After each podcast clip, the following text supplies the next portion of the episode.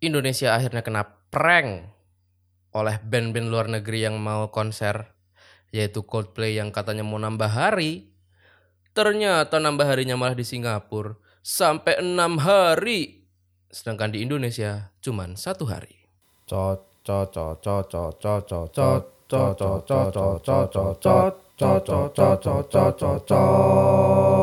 Cocot by Besok Kerja Podcast. Ya, selamat datang kembali di Cocot sebuah segmen di Besok Kerja Podcast di mana gue membahas isu-isu yang sedang hangat di masyarakat teman-teman. Gue ucapkan selamat datang kembali. Eh, buat lu yang baru pertama mendengarkan, gue ucapkan selamat datang di Besok Kerja Podcast. Eh, Besok Kerja Podcast ini adalah sebuah podcast yang gue buat sebagai salah satu buruh pabrik dan gue berusaha untuk memberikan perspektif-perspektif gue sebagai buruh pabrik terhadap isu-isu yang sedang eh, sedang ramai di masyarakat. Kadang gue ngomongin isu yang sedang hangat, kadang gue ngomongin film, kadang gue ngomongin topik-topik yang pengen gue bahas aja. Tapi mostly paling sering itu adalah segmen cocot ini, di mana gue membahas eh, berita-berita yang lagi rame. Nah, kali ini gue mau membahas eh, membahas tentang konser-konser yang sekarang lagi rame gitu. Konser-konser internasional yang lagi rame. Nah, dan salah satu destinasi dari musisi-musisi internasional ini adalah Indonesia. Oke. Yang mana kita sudah puasa konser itu udah ya ampun. 2020, 2001, 2022 itu kita puasa konser. Semuanya online. Eh kayak festival-festival musik atau konser-konser semuanya. Antara nggak cancel eh, antara cancel atau online. DWP online. Apa coba? DWP online tuh ngapain? Kan yang dicari dari DWP itu kan jedek-jeduknya kan. Tapi dibuat online. Apa coba? Nah intinya setelah covid berakhir semua konser tuh kayak kayak banjir bandang tau gak lo? Kalau banjir bandang tuh kan ada tanggul nih, tanggul di apa di di bendung gitu ya, airnya di bendung. Terus bendungnya jebol gitu. Tanggulnya jebol kan air tuh kenceng banget tuh alirannya. Nah, sekarang tuh kayak begitu tuh. Semua konser, semua festival. Kayak apa kayak ah ngeblank lagi gua festival festival Hammer Sonic eh, berdendang bergoyang eh eh ah. Anjir apa aja sih festival tuh? Soundrenalin DWP WTF ya gitu gitulah pokoknya lah. Termasuk band-band internasional yang mau masuk. Nah sekarang itu yang lagi rame itu kan eh, eh, kemarin tuh Blackpink, Blackpink udah lewat. Terus dan band-band K-pop K-pop lain Suga lah apa segala macam udah lewat. Nah, terus eh, yang sekarang lagi rame banget itu adalah Bring Me The Horizon, Charlie Puth, Sam Smith, Coldplay dan Taylor Swift. Nah, di awal tahun 2023 itu udah rame desas-desus bahwa Coldplay dan Taylor Swift itu akan mampir ke Jakarta. Oke. Okay? Dan memang kalau kita lihat dari skena pop music, ya entah itu British pop, entah itu American pop, itu memang Coldplay dan Taylor Swift lah yang merajai gitu. Kalau band ya Coldplay, kalau solo ya Taylor Swift, siapa lagi gitu. Nah, dua artis, dua mega bintang ini dikabarkan memang akan mampir ke Jakarta sebagai salah satu destinasi tour internasional mereka. Nah, kalau Taylor Swift sendiri memang dia kan hobi kejutan ya gitu, hobi kejutan.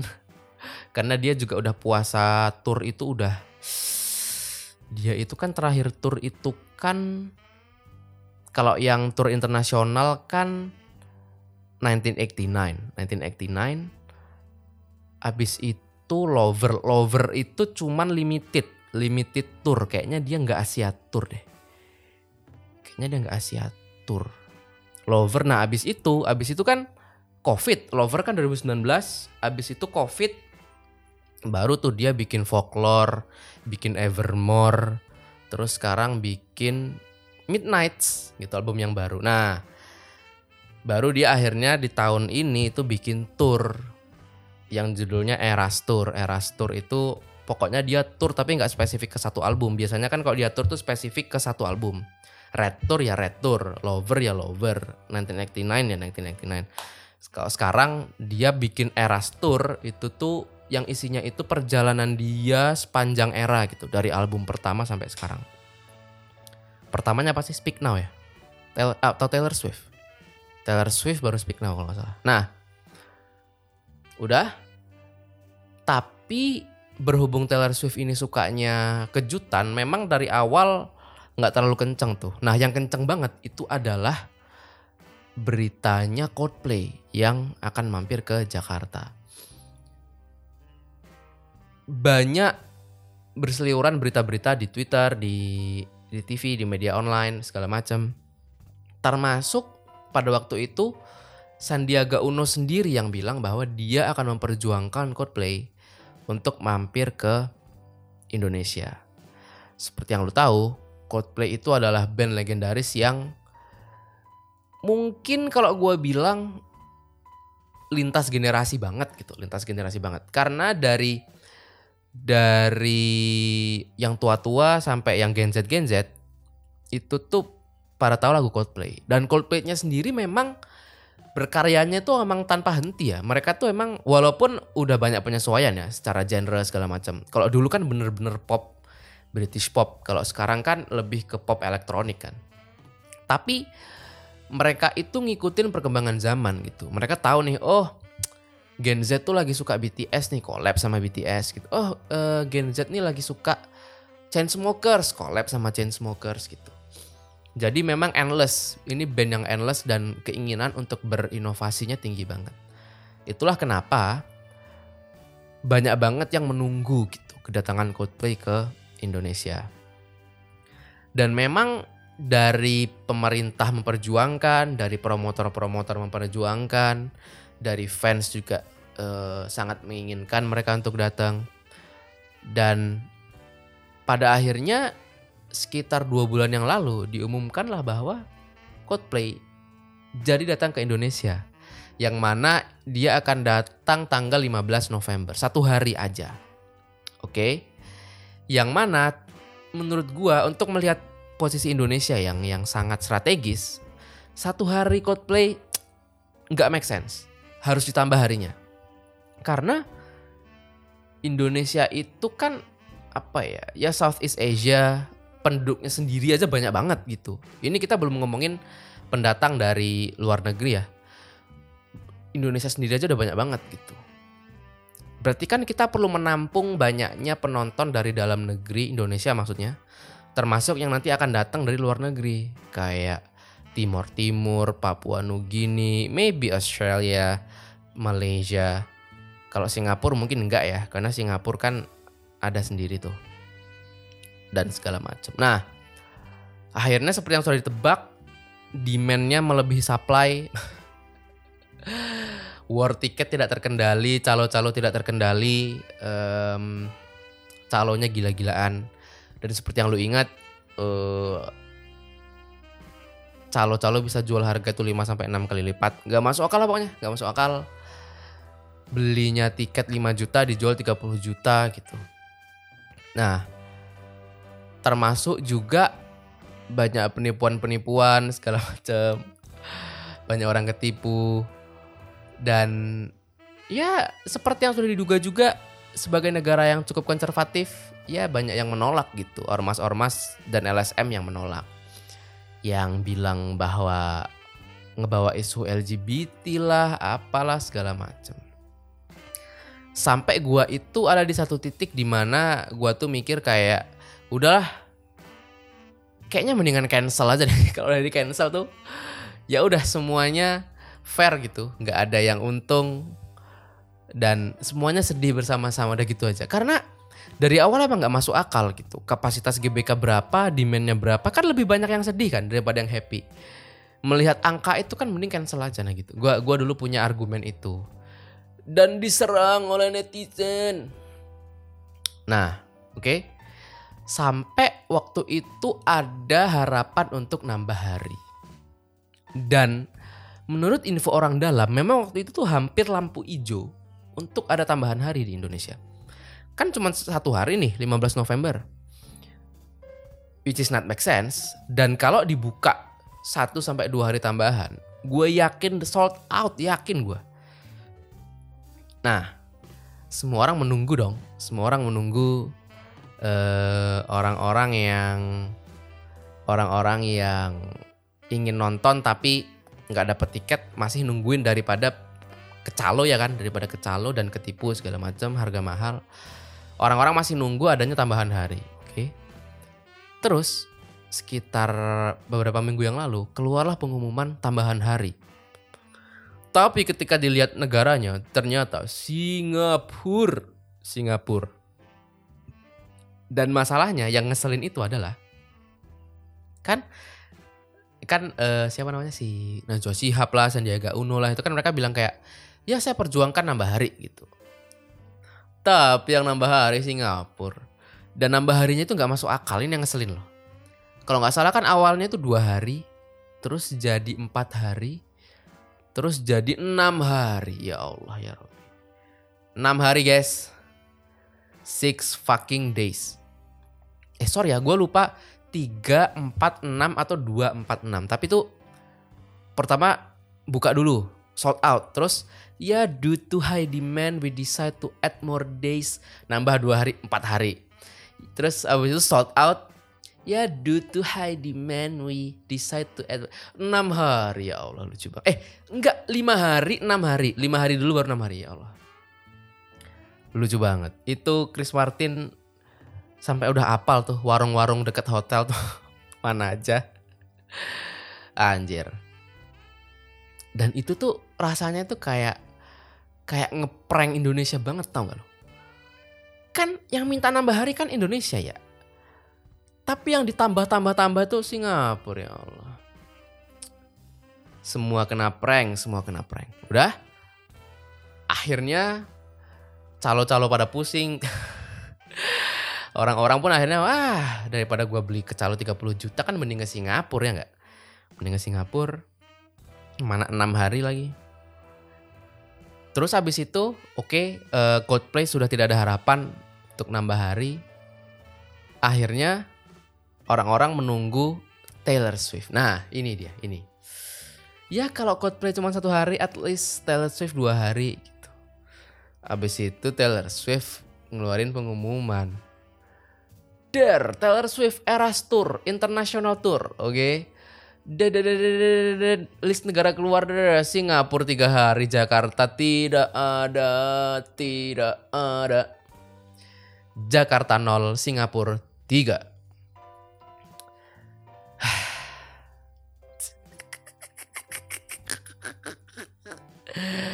udah Coldplay enam hari Taylor Swift tiga hari dan info orang dalam bilang akan nambah tiga hari lagi. Jadi Taylor Swift akan enam hari tuh di Singapura. Anjing. Coldplay enam hari, Taylor Swift enam hari. Gokil. Gokil, gokil, gokil. Dan sudah saatnya kita mulai introspeksi dan bertanya-tanya gitu. Kenapa artis-artis internasional ini ogah konser di Indonesia?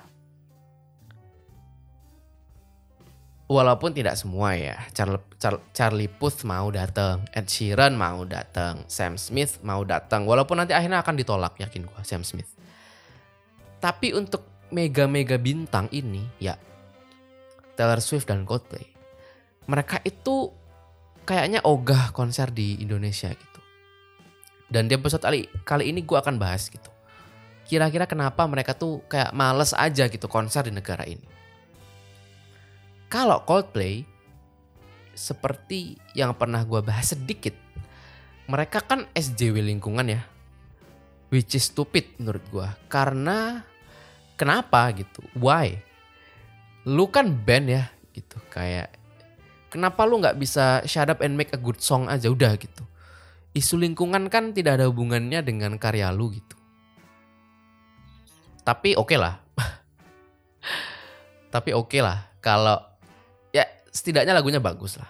Tapi kan yang mau gue kasih tahu adalah Coldplay itu band SJW lingkungan. Jadi mereka itu gencar sekali eh, apa namanya campaign terhadap isu lingkungan. Termasuk juga di lagu-lagu mereka kayak Paradise. Paradise itu kan eh, apa namanya di video klipnya itu kan nyeritain ada gajah gitu yang jalan-jalan gitu. Ada gajah kehilangan kehilangan rumah gitu. Akibat dari apa eh, penebangan liar segala macam terus di video klip yang Adventure of a Lifetime itu itu kan ada monyet-monyet sedang berjoget segala macam. Dan di konsernya Coldplay mereka itu kan bikin kayak gimmick-gimmick kayak apa ya eh, lantai kinetik gitu. Jadi orang-orang loncat-loncat di situ nanti bisa mengenerate listrik segala macam. Nah, yang sulit melayani band SJW adalah Coldplay itu pengen venue tempat dia konser itu itu ramah transportasi umum. Oke. Okay? Yang mana kalau ramah transportasi umum kan emisi mobil-mobil dan motor-motor kendaraan pribadi yang datang ke venue kan berkurang. Asumsinya begitu, ya. Nah, lu tahu sendiri transportasi umum di Indonesia itu gimana. Oke. Okay? Kalau orang mau ke GBK, kan venue-nya di GBK nih konser di Coldplay eh, konser Coldplay di Jakarta kan di GBK. GBK itu transportasi terdekat itu tuh kan kalau lu naik MRT. Eh, oke okay, ya naik MRT lu itu turun di di stasiun Istora atau stasiun Senayan. Nah, yang mana kalau lu mau ke GBK, lu masih jalan jauh banget. Jadi banyak orang masih nge-grab tuh atau naksi. Turun MRT masih ngegrab masih taksi banyak motor-motor dan mobil-mobil yang nganterin ke venue di GBK. Dan sepertinya hal ini sulit ditolerir oleh band SJW ini gitu kayak dia pengen tuh pokoknya orang datang tuh bener-bener kayak nggak usah deh bawa mobil nggak usah bawa motor gitu. Naik kendaraan umum lebih bagus lagi kalau electrified kendaraan umumnya turun jalan kaki rame-rame nonton konser. Konsernya nanti apa namanya uh, ya zero emission segala macam nanti pulangnya mereka jalan kaki lagi naik kendaraan umum lagi segala macam nah hal ini kan sangat sulit dijalankan ya di Indonesia gitu kalau pindah venue katakanlah pindah venue JIS JIS kan lebih buruk lagi ya lebih buruk lagi transportasi umumnya. Apa coba? MRT nggak ada, KRL nggak ada yang deket JIS. Apa? Ujung-ujungnya naik mobil lagi dan segala macam. Kalau jalan kaki kejauhan, gitu. Jadi ya hal-hal seperti ini yang akhirnya menurut gua menghambat pertambahan harinya si Coldplay. Karena begitu mereka tahu kayak gini kan ah jadi jadi males gitu. Nah, ya walaupun kalau dipikir-pikir emang emang tai sih. Karena kalau mereka bikin di negara lain juga kan ada orang naik pesawat segala macam kan juga emisinya juga luar biasa banyak ya gitu. Jadi bullshit aja tuh semua sebetulnya. Di konser kan juga ada kembang api gitu. Kembang api kan lu juga asap-asap mencemari udara gitu. Tapi ya udahlah. Ya terserah lah ya. Suka-suka Chris Martin lah ya. Tapi poin gue adalah karena isu-isu tersebut akhirnya konsernya nambah hari di Singapura. Singapura kan udahlah uh, tidak padat, terus transportasi umumnya bagus banget, bagus banget itu ya. Gue kemarin lihat ya, kalau lu mau ke National Stadium, itu tuh lu naik pesawat nih turun di Changi. Changi itu langsung ada stasiun MRT yang langsung bisa ke stadium. Terus kalau misalnya lu mau ke wisata-wisata tertentu itu tinggal transit, pindah MRT, turun stasiun, lu jalan kaki udah nyampe. Hotel-hotel juga gitu di sekitaran stasiun MRT itu banyak. Jadi wow, wow banget gitu transportasi umumnya dan hal-hal kayak gini pasti memanjakan Chris Martin dan teman-teman gitu kayak wow. Ya mungkin Singapura adalah jawaban gitu dari Asia Tenggara ini. Akhirnya enam hari lah di Singapura gitu dan Jakarta tidak kebagian. Nah itu kayak Coldplay. Kalau Taylor Swift beda nih pendekatannya beda. Mungkin dia persetan dengan lingkungan karena kan eh, kemarin tuh sempat viral juga tuh berita bahwa Taylor Swift itu salah satu penyumbang emisi terbesar karena dia ke mana-mana naik jet pribadi. Nah jet pribadi itu emisinya gede banget. Nah tapi kenapa Taylor Swift itu ogah konser di Indonesia? Ada beberapa faktor. Yang pertama adalah Taylor Swift itu sang sebegitu cinta dengan fansnya. Oke. Sampai ini ini gua ngomong tidak sebagai Swifties, oke? I'm a I'm a Swifties. Tapi ini gua ngomong apa adanya ya. Taylor Swift itu begitu mencintai fansnya. Sampai-sampai dia tuh bodoh amat dengan hasil perolehan konsernya segala macam. Yang dia inginkan hanyalah membahagiakan fans. Nah, yang mana itu cukup sulit untuk diimplementasikan di Indonesia. Kenapa? Karena ca ca ca calo cal calo calo calo kan kita tadi sama-sama ngebahas kan banyaknya calo di konser Coldplay. Yang mana calo itu kan bukan fans band tersebut. Calo-calo itu nggak pengen nonton Coldplay, mereka cuman pengen nyari duit. Nah, Taylor Swift tidak ingin itu terjadi kepada fans-fansnya. Dia ingin yang nonton ya fansnya gitu. Akhirnya banyak mekanisme-mekanisme penjualan tiket yang itu bertentangan dengan percaloan. Oke, jadi intinya sistem penjualan tiketnya Taylor Swift yang diinginkan oleh Taylor Swift itu adalah eh, banyak yang merugikan calo gitu.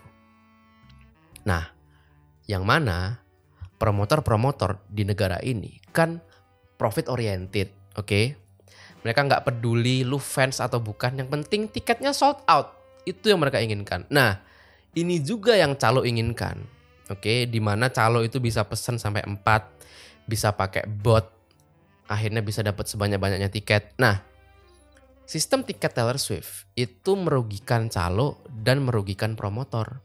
Karena harus registrasi dulu lah. Habis itu satu orang cuman bisa beli dua segala macem. Jadi memang yang diinginkan oleh Taylor Swift, fansnya aja yang beli tiket. Kalaupun dia ngajak temennya, ya temennya tuh fans Taylor Swift juga, Swifties juga. Hal ini sepertinya sulit dipenuhi oleh promotor Indonesia. Dan mungkin negonya tidak berjalan dengan mulus ya gitu kayak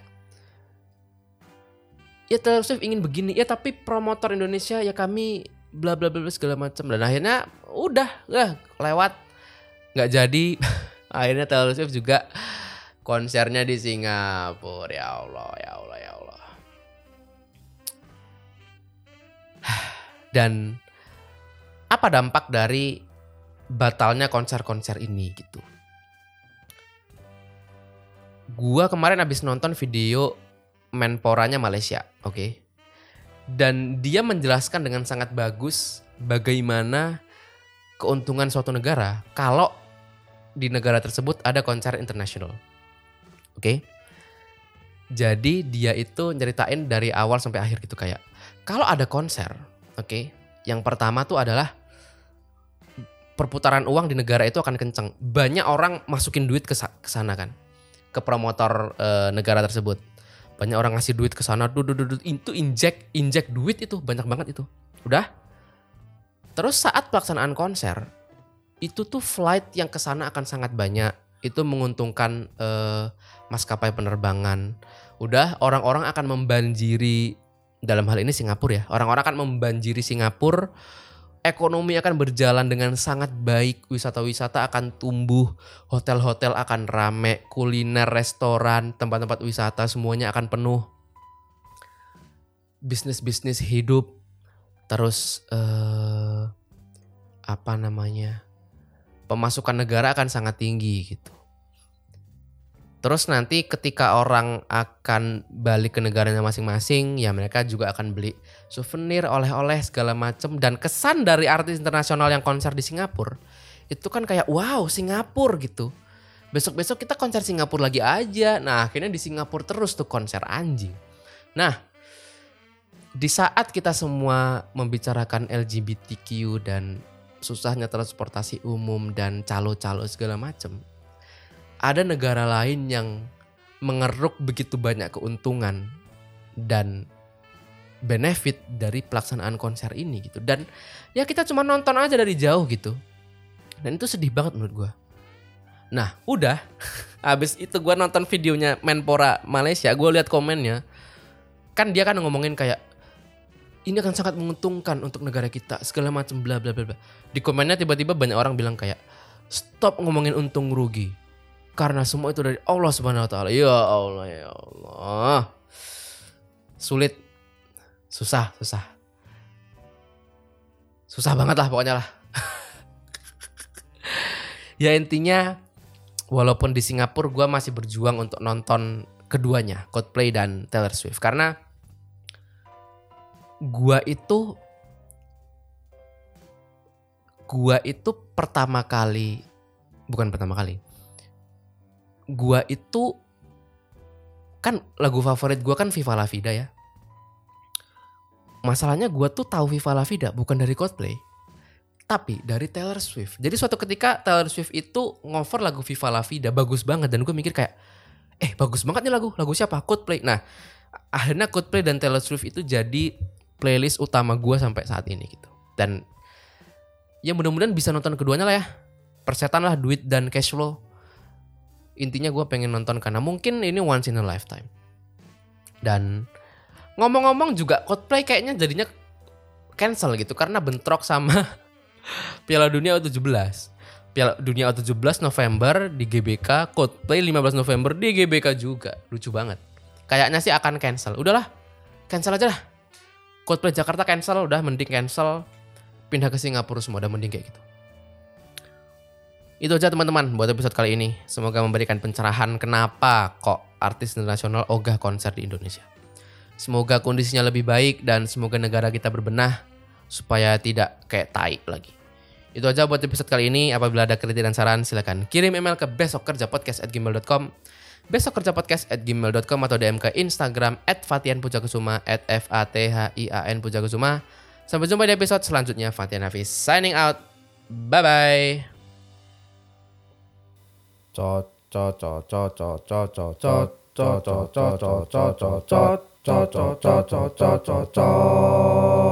Cocot by Besok Kerja Podcast.